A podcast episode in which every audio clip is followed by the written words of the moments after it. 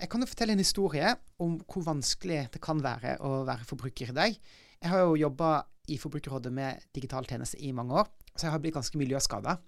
Og jeg veit at uh, en av de forbrukergruppene som det er mest attraktivt for markedsførerne å få tak i, det er nybakte foreldre, eller folk som skal bli foreldre. Og for noen år siden så skulle jeg få mitt første barn. Og da tenkte jeg nå skal jeg prøve å skjule fra Facebook og Google at jeg skal få barn. Så jeg sletta um, Google og Facebook-appene fra telefonen min. Jeg hadde fortsatt tjenestene, for jeg er jo like låst inne som alle andre. Men jeg sletta de fra telefonen min. Jeg begynte å gjøre søk på personvernvennlige søkemotorer. Jeg flytta eh, surfinga mi så nettsurfinga mi til andre, søke, nei, andre nettlesere enn en Google sine og Microsoft sine. Jeg oppretta krypterte chattetjenester for å bli kvitt Facebook Messenger, så jeg kunne ha kontakt med familie og venner. Det var litt tungvint, men jeg prøvde. Jeg oppretta også kryptert eh, e-posttjeneste for å kunne ha kontakt med, på helserelaterte ting osv. Så, videre. så jeg gjorde egentlig en del andre ting også for å skjule mine digitale spor. Og jeg anser meg som kanskje en av de som kan disse tingene veldig bra. Eh, jeg er veldig aktiv forbruker.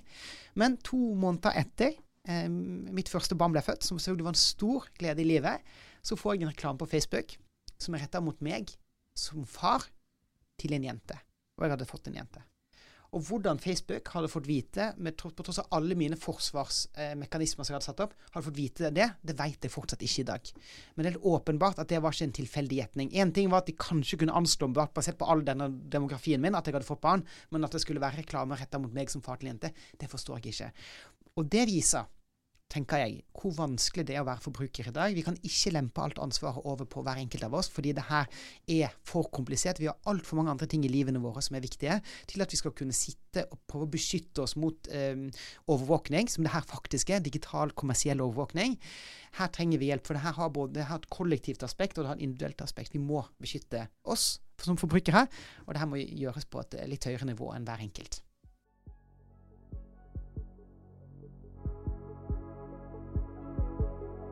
Hvor mye makt og mulighet har du egentlig til å ta gode og smarte valg på internett?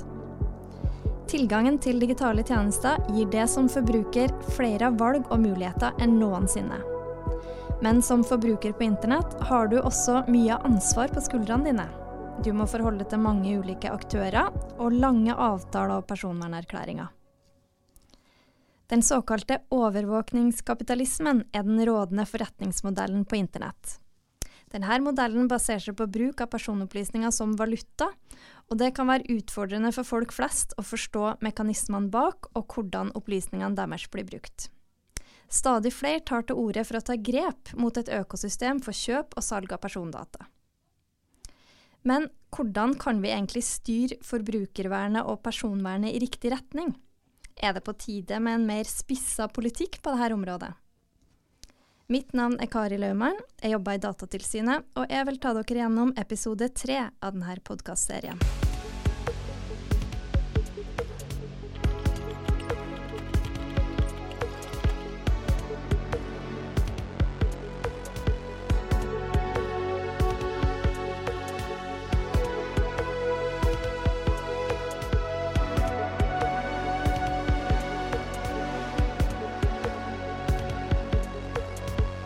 Hei, mitt navn er Finn Myrstad. Jeg er fagdirektør i Forbrukerrådet og jobber med digitale tjenester, og har sittet to år i Personvernkommisjonen.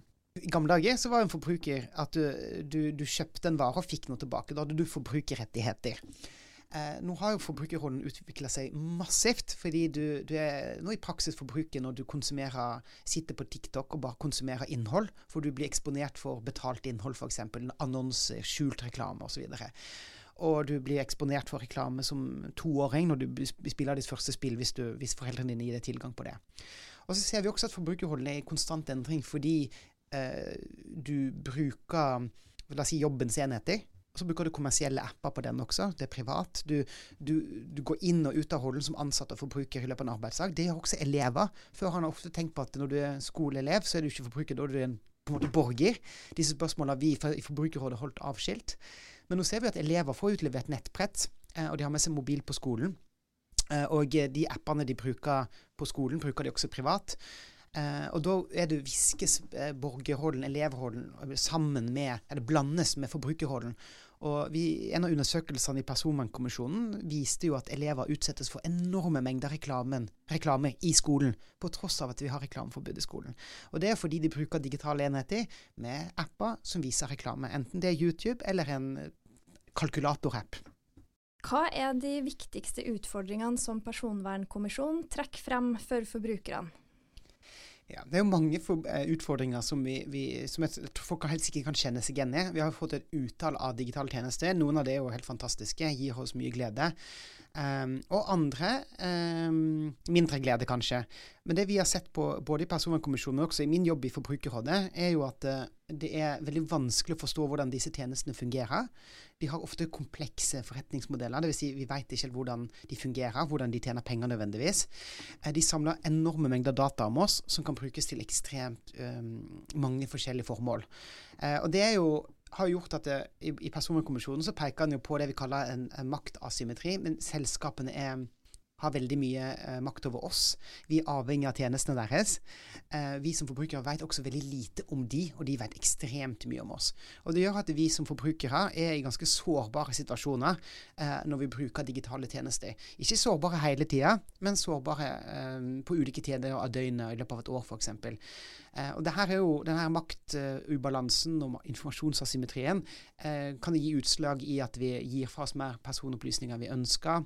Det kan at vi bli, kan bli manipulert til å ta valg vi egentlig ikke ønsker. Enten i form av at vi kjøper ting vi ikke har lyst på, men også at vi eh, vi takka ja til en del vilkår og sånn som vi kanskje ikke hadde gjort fordi tjenestene er designa på en sånn måte at vi ikke helt forstår hva vi gjør. Så, mm, og det her kan ha store konsekvenser for folks liv, eh, og det kan ha store konsekvenser for samfunnet vårt at, eh, at vi er i en sånn stilling der det er ja, eh, denne maktubalansen. da. Personvern og forbrukerrettigheter er tett knytta sammen. Digitaliseringa av forbrukerhverdagen har bidratt til at stort sett alt forbrukerne foretar seg, er gjenstand for registrering og innsamling. Og alt blir omgjort til data.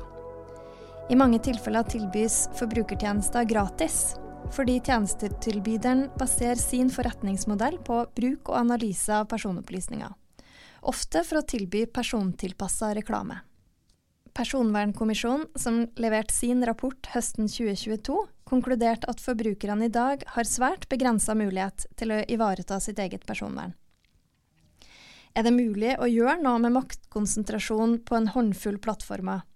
Og hva kan forbrukerne egentlig stille opp med i møte med et stort og uoversiktlig digitalt økosystem? I løpet av de siste årene har norske myndigheter publisert en rekke stortingsmeldinger og strategier om digitalisering av forbrukerhverdagen. Har personvernaspektet av digitaliseringa i forbrukersammenheng blitt godt ivaretatt, syns du? På ingen måte, dessverre.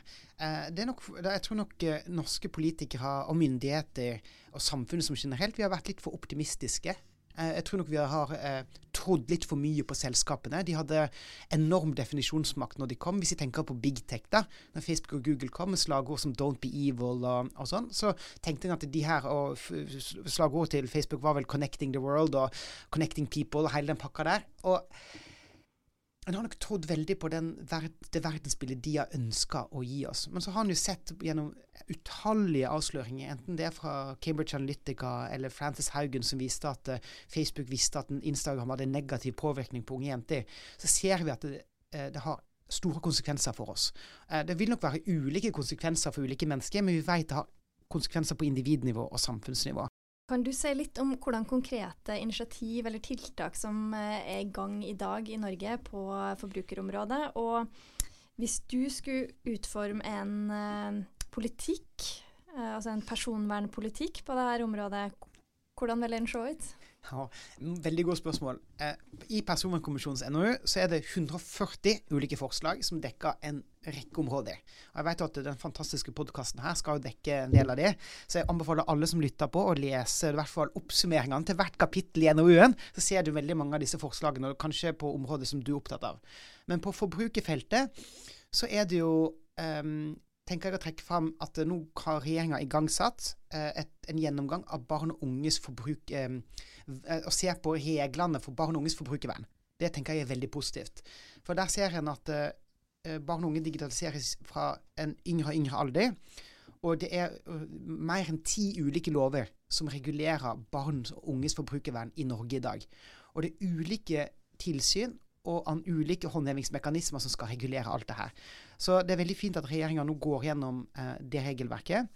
Vi håper jo også at det kommer en gjennomgang eller en utredning av det her forbudet, mulige forbudet av atferdsbasert reklame, så vi får mer fakta på bord på hva det skal innebære, hvordan en eventuelt kan innrette det.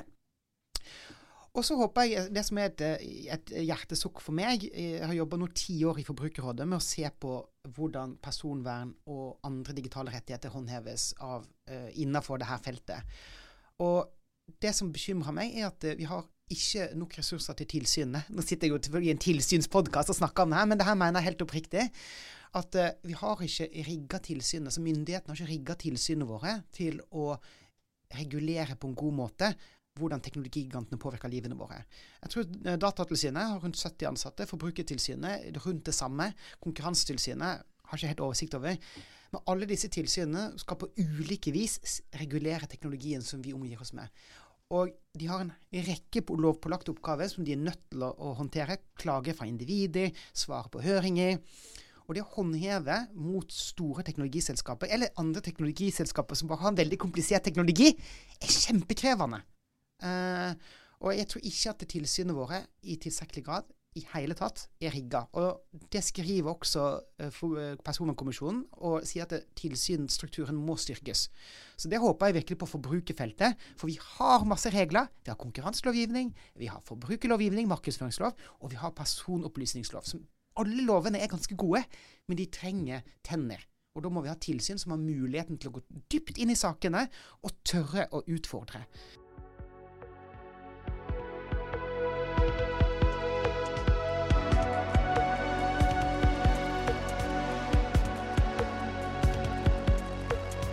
Jeg heter Grunde Almeland, sitter på Stortinget for Venstre, innvalgt fra Oslo.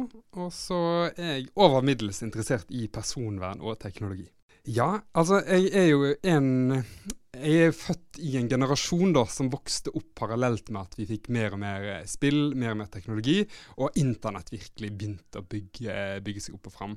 Og når jeg var eh, ganske liten, eh, sånn hva er det, sånn tidlig 12-13-14, et eller annet der, så eh, var det første liksom, opplevelsen min av internett var at vi fikk dette liksom, ADS, eller oppkoblingsinternettet hjemme. da, sant? Eh, og da var jeg utrolig interessert i Harry Potter. Og ville bare dele denne interessen min med alle i hele verden. Så det jeg gjorde da, var at jeg lærte meg å, eh, helt sånn enkel webdesign for å bygge opp min egen internett-Harry Potter-skole. Og med den internett-Harry Potter-skolen så fikk jeg liksom elever rundt omkring andre steder i Norge og liksom sendte lekser og undervisning. Og det var med liksom introen min da til, til liksom internettkultur, internettverden.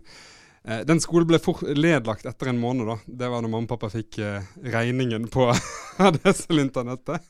Men eh, det ga meg liksom en sånn første inspirasjon da til alt som går an å gjøre på eh, nett. Hva teknologi kan liksom få være inngang til, og hvordan man liksom kan få sine interesser liksom, delt med andre som er på andre steder i landet, der du kanskje når du sitter hjemme i en liten bygd ikke har nødvendigvis like mange som er i hvert fall så brennende opptatt av et nerdetema. Eh, et av de områdene der eh, personvernet kan komme i skvis, både for eh, vanlige folk og for politikere, er i sosiale medier. Og TikTok har vært et eksempel som har vært diskutert mye i det siste. Hva, hva tenker du om TikTok?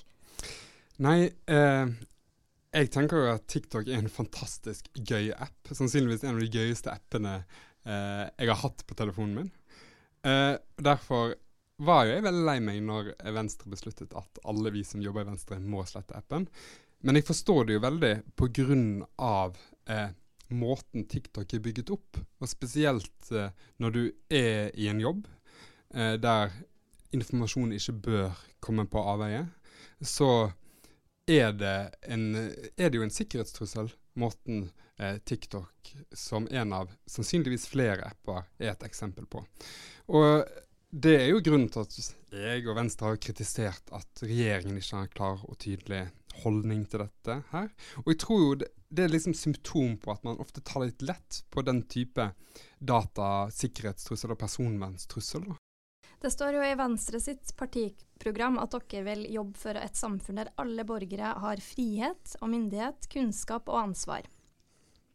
Hvordan harmonerer det med den virkeligheten som forbrukere opplever på nett i dag? Um, ambisjonen harmonerer nok ikke nødvendigvis helt med der vi er i dag. Jeg opplever jo at uh, veldig Altså vi har unge generasjoner som er veldig flinke til å bruke digitale uh, hjelpemidler. Sant? Veldig flinke. Hvis du ser en femåring i dag gå på en iPad, så ser du at han har vokst opp med den type teknologi. Men det betyr ikke nødvendigvis at du har digital kompetanse og kunnskapen om hvordan ting fungerer, eller konsekvensen av bruken man har.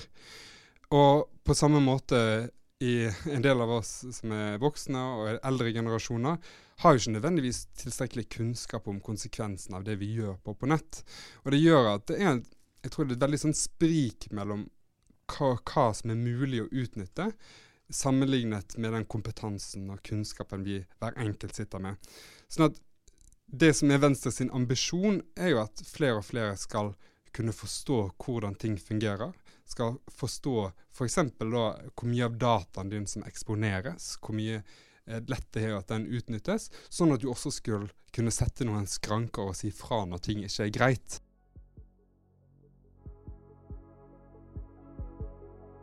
Sånn som det er i dag, så er det i stor grad opp til hver enkelt forbruker å ta gode valg om bruken av egne data. Altså om du skal ta i bruk en tjeneste, og hvordan data du eventuelt velger å dele i den tjenesten. Er dette en bærekraftig modell som gjør forbrukeren i stand til å ta gode og informerte valg? Eller er det behov for å endre modellen, slik at den enkelte slipper å forholde seg til samtykker, erklæringer og lange avtaletekster? Jeg syns det er så vakker lesning i Personvernkommisjonen sin rapport. Jeg anbefaler alle å sitte seg ned og lese i hvert fall den første delen i NOU-en. Starter på side 11, hvis jeg ikke husker helt feil. Der det står forklart hva man mener med nasjonal personvernpolitikk. Eh, så ja, jeg støtter helt og fullt akkurat det. Fordi det handler om at man skal klare å gjøre personvern til et politikkområde som er viktig nok til at man må ta hensyn til det i alle ulike politiske vurderinger. Fordi i dag så opplever jeg som stortingsrepresentant at altfor ofte så blir diskusjonen om personvern en sånn adhoc-diskusjon i et forslag som er ofte mye viktigere. Altså oppleves mye viktigere. Og kanskje i den tiden vi lever i nå, har vi liksom kanskje de beste eksemplene på akkurat hvordan personvern blir nedprioritert. Der du ser at folk med rette er mer og mer opptatt av trygghet, sikkerhet. Eh, det er mer uro i verden som gjør at folk søker til den type trygghet og sikkerhet. Og da er det lettere å gi avkall på noe av personvernet hvis man opplever at det fører til reelt sett mye mer trygghet da, i hverdagen. Eh, og når da diskusjonen blir liksom, eh, Skal vi unngå terrorisme, eller skal vi bare eh, opprettholde en liksom skinnrettighet som personvern, eh, så er det veldig vanskelig å overbevise folk om hvorfor personvern er viktig. Men jeg tror det at hvis man har en nasjonal politikk, en overordnet politikk som klarer å samle trådene og også vise hvilke konsekvenser omfanget av eh, personverninngrep har å si også for sikkerheten og tryggheten for hver enkelt av oss, så er det også lettere å ta personvern på alvor som et politisk tema. Og det er lettere for folk å forstå hvorfor personvern er viktig. Sånn at samlet sett så, så har jeg veldig eh, god tanke om ideen. Og så er det jo sånn at i Norge nå så er vi er det veldig Det ansvaret for personvernet, spesielt for forbrukerne, er veldig delt på en rekke ulike myndigheter. Jeg tror vi hadde hatt godt av å klare å samle det ansvaret i større grad, og også utvide mandatet. Jeg er veldig for det forslaget om algoritmetilsyn. Det er noe som også Venstre har foreslått på Stortinget. Dessverre blitt nedstemt for, men likevel foreslått. Men og Grunnen til at det er veldig for det, er ikke nødvendigvis fordi at vi skal opprette en ny enhet, men det handler om at man skal ha flere ressurser og samle kompetansen hos en myndighet som kan ta dette ansvaret på vegne av oss alle. Fordi det kan ikke være sånn at hver enkelt forbruker, hver enkelt person, skal sitte med ansvaret på å forstå alle disse intrikate reglene som ofte handler om personvern, forstå fullt ut konsekvensene. Det må være en offentlig oppgave å ettergå dette. Og så må det være bedriftenes oppgave å klare å levere tjenester som er personvernsvennlige. Venstre er jo kanskje det partiet som har tydeligst markert seg over tid på personvern. Men eh, hvorfor er ikke Venstre Norges største parti og Guri Melby landets statsminister? Å, fryktelig godt spørsmål. Uh, nei, vi har snakket mye om dette, og vi har kommet fram til at det er sannsynligvis fordi at valget var rigga, og vi har blitt robbet. nei, eh, jeg skal ikke gå inn i konspirasjonsland. Jeg tror eh, noe av grunnen til dette handler jo om at folk ikke innser viktigheten av personvern. Altså det kan Personvern er Altså jeg som er inne i det temaet, ser hvor viktig det har for å ivareta rettighetene til folk, eksempelvis. Også på andre områder enn bare personvern. Eh, men jeg tror ikke det er så tilgjengelig for folk. Og da har kanskje vi som politikere som er opptatt av personvern, også et større ansvar for å gjøre området mer tilgjengelig for folk. Slutte å bruke så veldig tekniske problemer. Prøve å beskrive i større grad hvilken betydning det har. Hva du mister hvis du eh, tillater for store personverninngrep av frihet. Så jeg tror det er en stor, stor, jobb å gjøre der. Og kanskje hvis vi blir flinkere til å gjøre den jobben, så kanskje vi som er partier som bruker mye tid på personvern, og så får mer igjen for det. Eh, Grunde, hvis eh, du ser litt framover, Um, både når det gjelder det med folk sitt engasjement og interesse for personvern, men òg politikerne sitt engasjement og interesse, og altså behovet for en sånn personvernpolitikk. Hva ser du i krystallkula, hvis du skal kikke inn der? Oh, eh, det er en forskjell på om jeg nå skal svare det jeg håper, eller det jeg tror. Men for å ta det siste, da, så er jeg jo redd for at vi eh, fortsatt er her om to år eller fire år, at personvern fortsatt blir behandlet som en litt adhoc-sak. Men jeg håper at vi er kommet dit at vi har klart å eh, samle kunnskapen og ressursene i det offentlige såpass at det er umulig for politikere også å unngå å ta personvernspolitikken og personvernspørsmålene på alvor.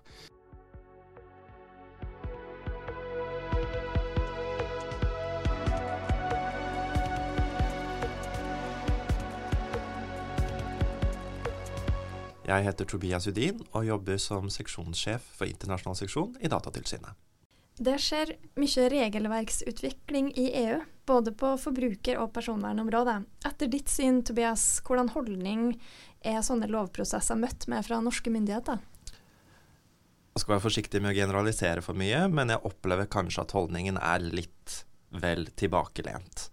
Så det virker som at dette ikke nødvendigvis er politisk prioritert eh, som jeg syns er litt interessant, for vi snakker om verdens mektigste selskaper. Og algoritmene til disse selskapene styrer jo egentlig hvilket innhold velgerne ser. Ofte så sier man at eh, personvern eh, vinner ingen valg. Eh, men så pleier jeg å si at ok, men manglende personvern kan fort vekk føre til at du taper et valg. For at algoritmene bestemmer jo egentlig hvorvidt ditt parti og, og dine ståsteder, hvorvidt de blir fremma i, i, i feeden eller ikke. Um, og Derfor syns jeg det er litt dumt at det virker som at norske politikere noen ganger møter disse problemstillingene med en slags generell resignasjon. At det er litt mer sånn OK, EU løser dette, og vi kan ikke gjøre noe for å påvirke det. Eh, og da lurer jeg jo fælt på om politikerne vet hvilket handlingsrom vi har til å påvirke, men så er altså mitt inntrykk at det handlingsrommet ikke alltid brukes så veldig aktivt. Og det tenker jeg er en, en tapt mulighet. Eh, og i den grad vi kommer med innspill på dette feltet, så syns jeg kanskje noen ganger at det er litt lite ambisiøst, og at det kommer sent. Og i praksis så tror jeg så mye er rett og slett overlatt til byråkratene. Personvernkommisjonen kom i sin rapport med en lang rekke anbefalinger og forslag til tiltak for å forbedre forbrukerens personvern. Hva kan det norske datatilsynet og andre europeiske datatilsyn gjøre for å forbedre forbrukerens personvern? Og er det sånn at Norge bare må vente på lovprosesser i EU, eller finnes det et nasjonalt handlingsrom? Vi er jo ikke medlem av EU. har norske myndigheter nå altså, stille opp med i, i forhandlinger eller utvikling av lover? Ja, vi har faktisk det. Fordi at vi har jo en slags tilknytning til EU gjennom EØS-avtalen. Og det betyr at det finnes faktisk flere muligheter for oss til å komme med konkrete innspill til lovgivningsprosessen. Og så er det jo sånn at jo bedre de innspillene er, desto større sjanse er det for at de blir tatt med. Så det handler jo litt om å, å, faktisk sette seg inn i det her og argumentere godt når vi først har den muligheten. Da er det også en, en god mulighet for at vi blir hørt. Og hva har Norge å tape på å ikke engasjere seg i den type lovprosesser i EU? Vel, altså, vi er jo eh, rangert av The Economist som verdens fremste demokrati. Vi har eh, en kultur for f.eks. åpenhet som vi ikke nødvendigvis finner i andre europeiske land. Vi ligger ganske langt framme på en del sånne demokratiske indekser. Uh, og Det gjør jo også at vi har litt erfaring med, med, hva som er bra, hva som skal til for å ivareta et moderne demokrati. Og jeg tenker at dette er ting som vi bør ønske å spille inn, fordi at vi har alle interesse av at disse verdiene faktisk blir tatt med i lovprosessen. Og Vi ser jo det i EU, at det er ikke alle land som går i riktig retning. Noen land går til og med en antidemokratisk retning. Det digitale økosystemet er jo i stor grad globalt. Og det gjelder jo både de aktørene som eh, opererer i det systemet, og også lovgivninga som eh, regulerer det, bl.a. fra EU. Hvordan kan eh, norske myndigheter påvirke situasjonen for norske forbrukere og, og virksomheter? Tenk da på i Norge. Altså hva er det nasjonale handlingsrommet, sånn som vi ser det fra Datatilsynet sitt ståsted? Ikke sant. Og dette, vi, vi må bare være ærlige og si at dette er veldig komplisert. Så her finnes det ingen sånn klare svar. Eh, og vi må tenke oss godt om eh, for å sikre f.eks. at reguleringen ikke bare rammer norske virksomheter, mens de globale får gjøre som de vil. For det vil jo ødelegge vår konkurransekraft. Eh, så må vi også sørge for at reglene blir effektive mot utenlandske aktører. Et eksempel på det er jo f.eks. spillreklameforbudet, hvor det i mange år har vært ulovlig reklame for pengespill på norsk TV. Men så har man liksom ikke villet gitt seg heller, da. Man har på en måte sett at ok, dette er skadelig, vi må gjøre noe. Og til slutt så har man faktisk fått bukt med den reklamen på TV. Eh, så det viser på en måte viktigheten av å, av å, ikke gi seg, og at det er muligheter for å sørge for at dette blir effektivt også mot utenlandske aktører. Og så har jeg lyst til å nevne et eksempel fra Australia. Fordi at det var vel i 2021, tror jeg, at de innførte en lov som innebar at sosiale medier måtte betale mediene en liten avgift når medieartikler ble på en måte delt på deres plattform. Og det eh, Tanken var jo på en måte at eh, disse plattformene lever jo egentlig av å godt innhold, og så brukte de medieartikler til å på en måte Det ga jo dem en bedre konkurranseposisjon, mens mediene da egentlig tapte penger. Eh, og da sa de sosiale mediene, eller de store tech-gigantene, nei, dette vil vi ikke være med på. Så faktisk så begynte Facebook da å fjerne alle nyhetsartikler fra sin plattform. Og det førte jo til at mediene fikk færre lesere, ikke sant? Fordi da, da, fikk de ikke den inngangsporten gjennom Facebook. Som er liksom en slags protest for å vise at nei, vet du hva, her er det vi som bestemmer, og vi har markedsmakten. Australia, dere kan bare glemme å komme med lovgivning som vi ikke liker. Og så gikk det åtte dager, og så måtte de gi seg. Og så snudde de. Eh, og nå følger de den loven. Og det viser jo på en måte at det er fortsatt, I demokratier så er det fortsatt de demokratisk valgte myndighetene som bestemmer. Det er lovgiver som bestemmer. Dette illustrerer jo hvor stor markedsmakt disse aktørene har. Men det illustrerer også at hvis vi står på krava, så kan vi vinne fram. Alternativet her er jo at vi da gir opp og sier nei, dette er vanskelig. Det er så vanskelig at vi ikke engang gidder å utrede det. Og da har vi i realiteten da gitt tapt på vår lovgivende myndighet. Mm, så det finnes et nasjonalt handlingsrom. Og Personvernkommisjonen foreslo en sånn nasjonal personvernpolitikk. Um, hvis du skulle ønske noen tiltak eller eh, initiativ på forbrukerområdet i en sånn politikk, hva, hva vil det ha vært? Så én ting er at jeg skulle jo, som jeg også nevnte, ønske at myndighetene var litt mer foroverlente, eh, ambisiøse på personvernets vegne, på forbrukervernets vegne. Eh, at man da faktisk utreda litt mer ok, hvor er de store problemene, og hvordan kan vi effektivt regulere det. Eh, og et eksempel her er jo eh, atferdsbasert markedsføring. Og det vil da si på en måte markedsføring som tilpasses ut fra hva du har gjort, hva du har vist interesse for på nett, eh, hvilke nettsider du besøker osv. Og, så og dette er jo en forretningsmodell som er ganske kritisert, fordi at Det fører jo til at det plutselig blir lukrativt å overvåke oss og støvsuge internett for all informasjon om oss.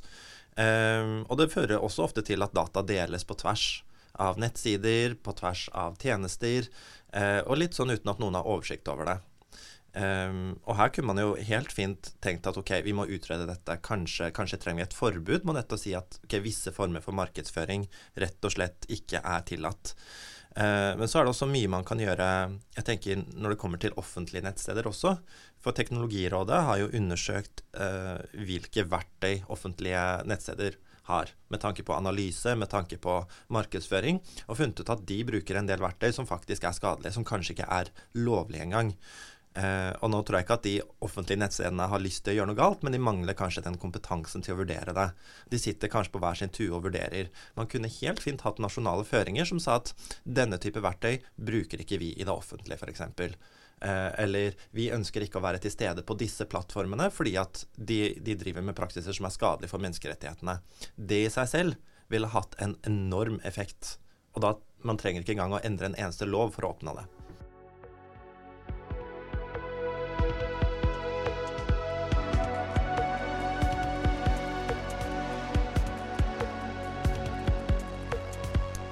Otto von Bismarck skal en gang ha sagt at den som vet hvordan pølser og politikk blir laga, får aldri mer enn god natts søvn. Men vi tar likevel sjansen på å finne ut hva en personvernpolitikk faktisk er, og hvordan vi kommer dit. Gjestene i episoden har oppfordra norske myndigheter til å ta en mer aktiv rolle i utforming av EU-politikk på personvern- og forbrukerområdet. Gjestene i episoden var òg enige om at det finnes et nasjonalt handlingsrom, og at en nasjonal personvernpolitikk kan styrke forbrukerens rettigheter på nett.